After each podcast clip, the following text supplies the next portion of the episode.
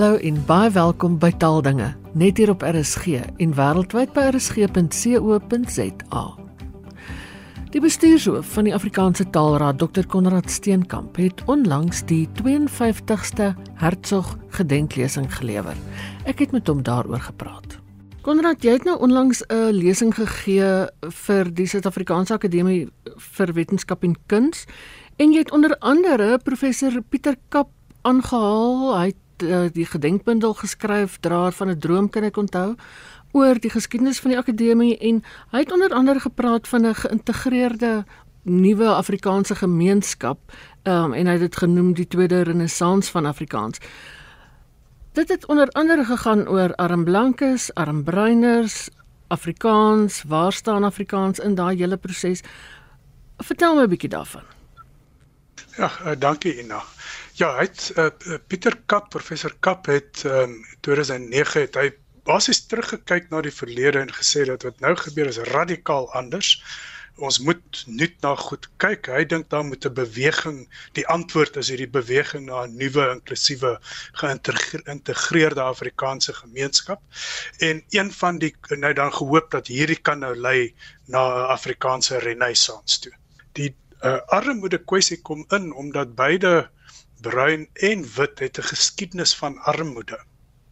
En ons is miskien uh, interessant om 'n bietjie daarop uh, in te gaan. Ja, ja. Die armblanke vraagstuk was 'n baie aktuële ding in die vorige eeu veral, maar ek dink mense het al bietjie vergeet daarvan. So vertel ons bietjie, gee ons bietjie agtergrond daaroor asseblief. Ja, ons mense daar's mos hierdie onlangse boek uitgegee oor die smarte van die oorlog. Nou na die oorlog het die Afrikaners op groot skaal, nie net die Afrikaners nie, ook um, swart mense en bruin mense op groot skaal na die stad gekom. Ja. En ek praat as mense dink nou veral na Johannesburg waar wat 'n Engels groot Engels gedomeineerde stad is en waar die Afrikaners nou teen goedkoop swart arbeid moes in in kompetisie tree. En hier teen 1930 rond 35 rond uh het was ietsie soos 17% van wit mense, dit is 300 000 uit uit die destydse 1.8 miljoen het in ekstreme armoede geleef. Uh en, en as mens net na die konteks kyk dat net 1 uit 10 was geletterd. Sure. So hulle kon ook nie gekwalifiseerde arbeid verrig nie. Dit was 'n groot probleem vanuit die, die perspektief van van die die, die destydse regering nou. En hulle het besluit dat die oplossing is 'n ekonomiese een dat hulle dit as 'n werksloosheid probleem beskou en met werksreservering en segregasie as die oplossing. En op daai basis het uh, arm blankes swart arbeiders op groot skaal vervang in spoorweë, hawens, fabrieke en dis meer ons ken die storie mos nou van die afgelope 20, 30 jaar ja, baie ja, goed. Ja. En 'n belangrike ding is hulle wou uh, hulle wou ook die rassegrens daarmee herstel want al hierdie mense het in gehuggies uh, op groot skaal saamgewoon wit, bruin, swart en daar's vermenging en dis meer. Nou hier teen die 70s hierdie die regering beide in Hertzog se tyd en later die nasionale party het geweldig baie geld in hierdie armblank sogenaamde armblanke probleem ingesit. Soveel so dat hulle hier teen die middel laat 70s kon sê die probleem is opgelos. Ja. En mens kan sê dat hierdie is hierdie is eintlik een van die nasionale partye se se groot suksesse ja. dat hier hulle hierdie stukkie sosiale ingenieurswese reg gekry het. In jou in jou toespraak het jy ook gesê ons kan nou ook verwys na nie net arm blankes in Afrikaans nie, maar ook arm bruines in Afrikaans want as mens na die grootste deel van die bruin bevolking kyk, sukkel baie van hulle. Ja, kyk daar daar staan natuurlik 'n verband tussen die opheffing van die arm blankes en bruin armoede. Uh, hulle net soos in in die geval van van die arm blankes het armoede in die bruin gemeenskap ook diep wortels wat teruggaan na voor die 1900s toe. Maar die interessante ding is dat uh weer eens hierdie kwessie van almal wat saam geleef het, daar was 'n mate van gelykheid tussen mense. Dit wil sê ekonomies gesproke. Ja. Almal ewe arm was kan 'n mens maar sê. Maar Hertzog stel toe generaal Hertzog, JBM Hertzog stel toe voor dat bruin mense by die wit samelewing en hy gebruik die woorde ek haal hom nou aan mm. dat hulle ingelyf moet word. Mm. En die rede hiervoor is dit mense begin skrikkerig geraak het dat bruin mense kant gaan kies met die uh, swart mense mm. wat daar die politieke mobilisering het begin. En maar die ander komponent was dit daar so 'n idee gewees, 'n gewaar, gewaarwording dat wit en bruin deel baie goed, soos geloof, kultuur, ja. taal en dis meer. Ja. Maar toe verwerp die regering Herzog se voorstel. En van daar af is dit afdraande ekonomies afdra afdraande pad vir die uh, bruin bevolking gewees wat hulle hulle politieke mag verloor het. Hulle kon toenemend net aan deur hierdie gesegregeerde strukture uh, aan die politiek deelneem en stappie vir stappie het hulle situasie agteruit gegaan. Die buurte, die skole in die buurte is gesegregeer waar hulle voorheen uh, saam gewoon het sodat hier teen teen 76 met die Tron kommissie. Mhm. Mm ehm um, is nou 'n stukkie beskrywing was so wat 1 miljoen uit uit so wat 2 3 miljoen mense het in kroniese gemeenskapsarmoede geleef. Dit beteken dat werklik haglike omstandighede waar die kans dat jy jouself verbeter of daaruit kan kom uiters gering is. Dis Sampieter Blanche, professor Sampieter Blanche het baie hieroor beskryf. Hy praat van die onderste 40%. Ja. Waar waar armoede wat soos hy dit sê, die kinders het 'n armoede mentaliteit so te sê met die moedersmelk ingekry. So hierdie is een van die gevolge van die opheffing van die armblanke. En dit het geweldige dit dit het vir ons die probleem geskep waarmee ons nou sit of een van die probleme. Nou hier aan die einde van die apartheid era was daar weer 'n eintlik 'n poging geweest om bruin mense in te lyf as dit ware. En dit was uh, natuurlik met die driekamer parlement. O ja ja wat so 10 jaar lank gehou het en 'n klein elite um, in die bruin gemeenskap het daaruit voordeel getrek, maar vir die armes het eintlik bitter min verander. Mm. En die resultaat daarvan is toe dat uh die bruin gemeenskap soos dit Hertzog gevrees het, dan ook aan die hulle self agter die die stryd uh, geplaas het ja. sodat Daar's mos daai ou liedjie wat hulle sê die mammies en die pappies, die boeties en die sissies, die hondjies en die katjies almal is in die struggle. So dit was wit en bruin het ja. hierdie einde van apartheid in ver, verdeel en in met verbitterheid ingegaan. Ja. Maar daar's 'n noue band tussen onderwys en sosio-ekonomiese potensiaal.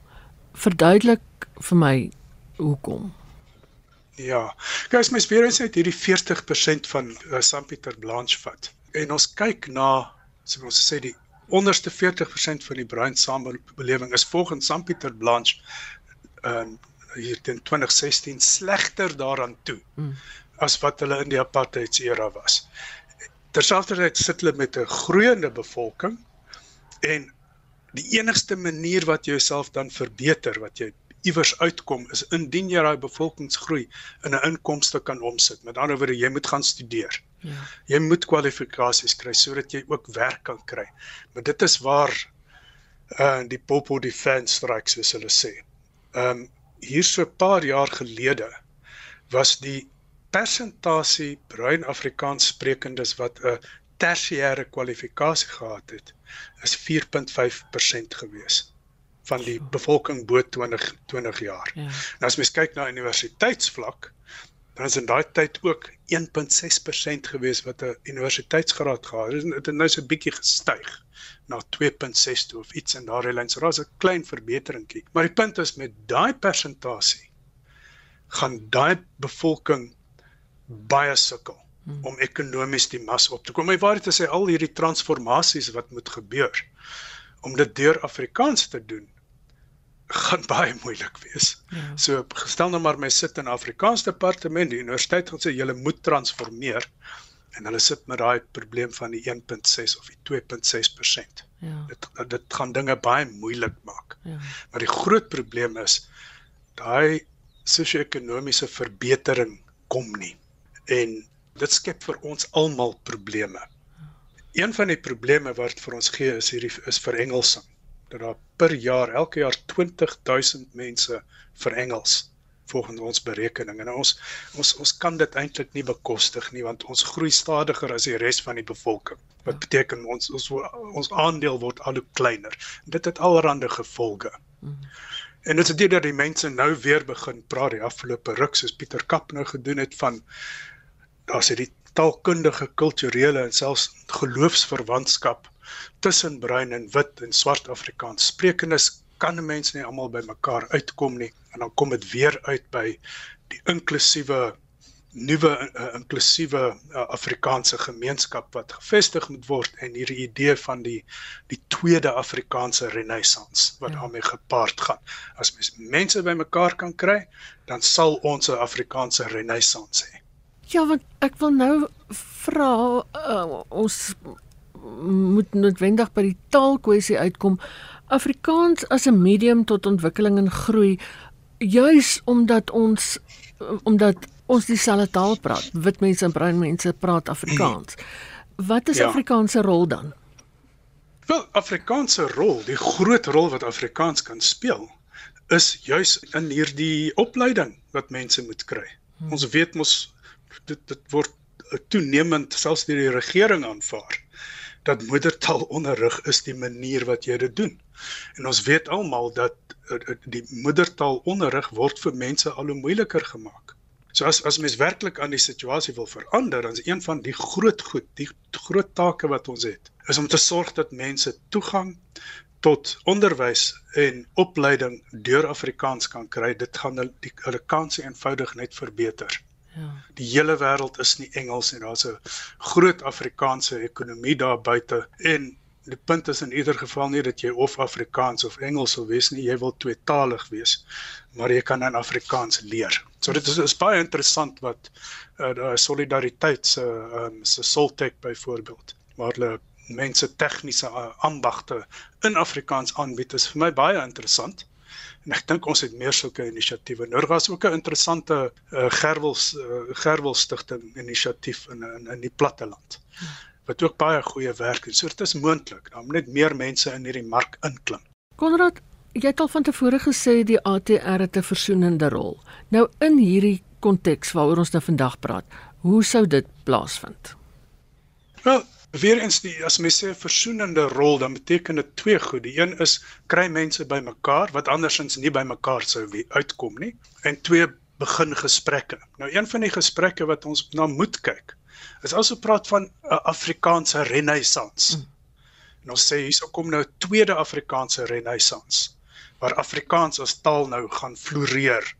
Dan moet 'n mens vra want dit is wat gevra gaan word. Nou maar wat was die eerste Afrikaanse renessans? Ja. En dit is waar die probleem inkom want die die eerste Afrikaanse renessans het gemik op het gedraai om die Afrikaner so soos hulle dit noem volks en kultuur lewe hier in die vroeë 1900s. Oh, ja. Daai jare van van Hertzog. Ja. Ehm um, wat die wat die mense in in armoede daar gestaan het vernietig plat getrap deur die oorlog en hier het dit was die begin eintlik van die Afrikaners die Afrikaner nasionalisme. Ja. So dit gaan baie moeilik wees.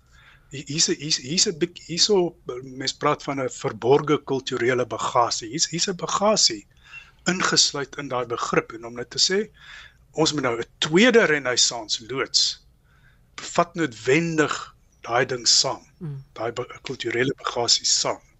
En dit skep weer eens die die potensiaal dat dit gesien kan word as 'n inlywingsinisiatief.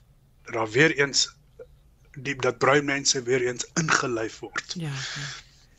Ek ek kan nou natuurlik nie namens bruin mense praat nie. Ek kyk net na die geskiedenis. Uh dit maar dit is definitief reaksies wat al reeds gekom het. So ons moet baie versigtig wees diegene wat hierdie toenadering wil sien, moet versigtig wees dat ons dit op heeltemal 'n nuwe basis doen. Want dit is hoe mense dit op 'n gelyke vlak kan doen. Ja. Het jy 'n voorstel oor so 'n gelyke basis? Sjoe, dit is nou 'n vraag. Ehm um, wel dit beteken net dat ons in gesprekke bewus moet wees daarvan dat die mense dat dit moeilik is om om terug te gryp na die verlede vir jou voorbeelde van hoe goed gedoen moet word.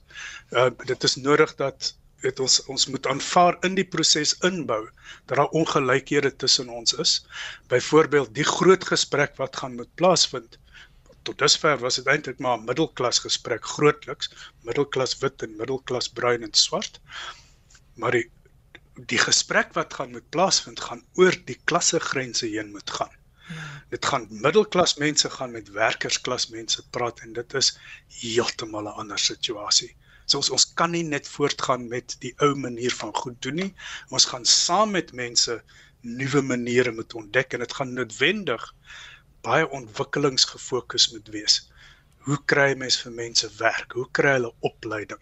Dis die enigste manier vir ons om uit hierdie gemors te kom wat ons op die oomblik het met regeringsdienste en goed wat misluk en mense se toekoms wat hier op die spel geplaas word. So dan moet uit die Afrikaanse gemeenskap gaan daar inisiatiewe moet kom om onderwys en opleiding binne uh, hierdie gemeenskappe uh, aan te spreek.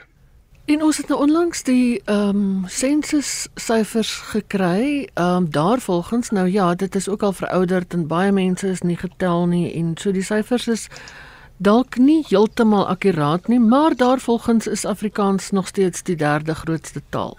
As 'n mens dit wil versterk, dan sal ons moet saamwerk en saam dinge doen. Ja, en nou ons het ehm um, verlede jaar ehm um, na die statistiek gekyk. Dis nou saam met uh, die uh, Solidariteits- en Navorsingsinstituut. Hulle het eintlik die data werk gedoen. En die syfers lyk 'n bietjie anders as wat dit dit as hoe dit by ehm um, van Stats SA afgekom het of Statistiek SA. En dit is dat Afrikaans volgens wat ons kan sien is Afrikaans nie meer die derde grootste taal nie, maar is deur Engels verbygesteek. Engels het reeds Sesotho verbygesteek en het reeds Afrikaans verbygesteek hier in 2021. Engels is die vinnigste groeiende taal in hierdie land. En dit beteken net een ding. Dit is die middelklas vir Engels. Die oomblik wat mense in die middelklas inkom, of nie die oomblik nie dit klink as almal dit doen wat nie die geval is nie. Uh, maar baie mense vir Engels wanneer hulle in die middelklas in beweeg. En dit is 'n probleem want dan eindig jy op met 'n Engelse elite. En die oomblik wat jy Engelse elite het, is die armes wat ander tale gebruik word net meer uitgesluit. Dit het die die uitwerking dat daar nie meer Afrikaanse laerskole gaan wees nie, dan nie meer hoërskole nie, dan nie meer universiteite nie.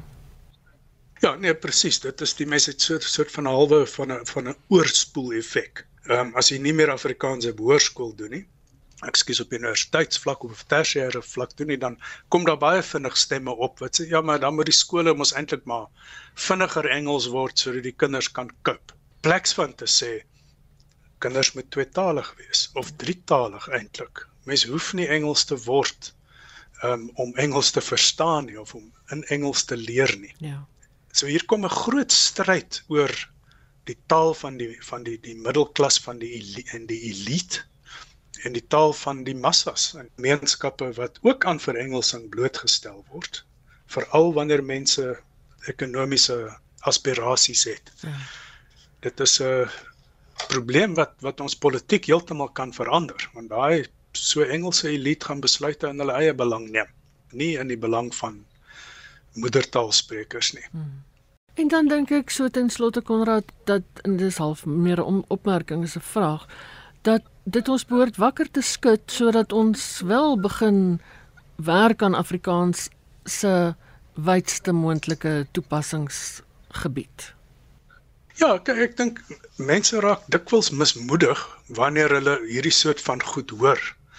En die die werklikheid is dat mens moet een, mens moet eenvoudig net voortgaan. Daar is altyd 'n manier om iets te doen. Ons moet ook weet dat net omdat dit nou sleg lyk, beteken nie dat dit in die nabye toekoms sleg gaan lyk nie. Ons kom af hier op groot politieke verandering wat vertaal baie kan beteken. Ehm um, as as hier nou sê maar 'n nuwe veelpartye regering in die in die in die land uh, sou ontstaan. Dit gaan groot implikasies hê in in die woorde van ehm um, 'n uh, oud regter met wie ek gepraat en hy het in Engels gesê hy het gesê everything is up for grabs alles is moontlik ja daar's ons potensiaal vir baie slegte goed maar daar's ook potensiaal vir baie goeie goed So dis nie nou die tyd om hande in die lug op te gooi en te sê Afrikaans is in sy my uh, in sy my. Dis nou dis nou die tyd om planne te maak en voor te berei en uit te reik na ander mense om mense bymekaar te bring. Dit was die bestuurshoof van die Afrikaanse Taalraad, Dr. Konrad Steenkamp. En dis dan al vir vandag. As jy weer na die program wil luister, kan jy die potgooi aflaai by rsg.co.za waar jy ook vorige programme en talle talle ander RSG programme kan kry. Laat hoor gerus van jou. My e-posadres is ina@rsg.co.za. Geniet die res van die dag in RSG se geselskap. Bly veilig, bly gesond en van my Ina Strydom groete tot 'n volgende keer.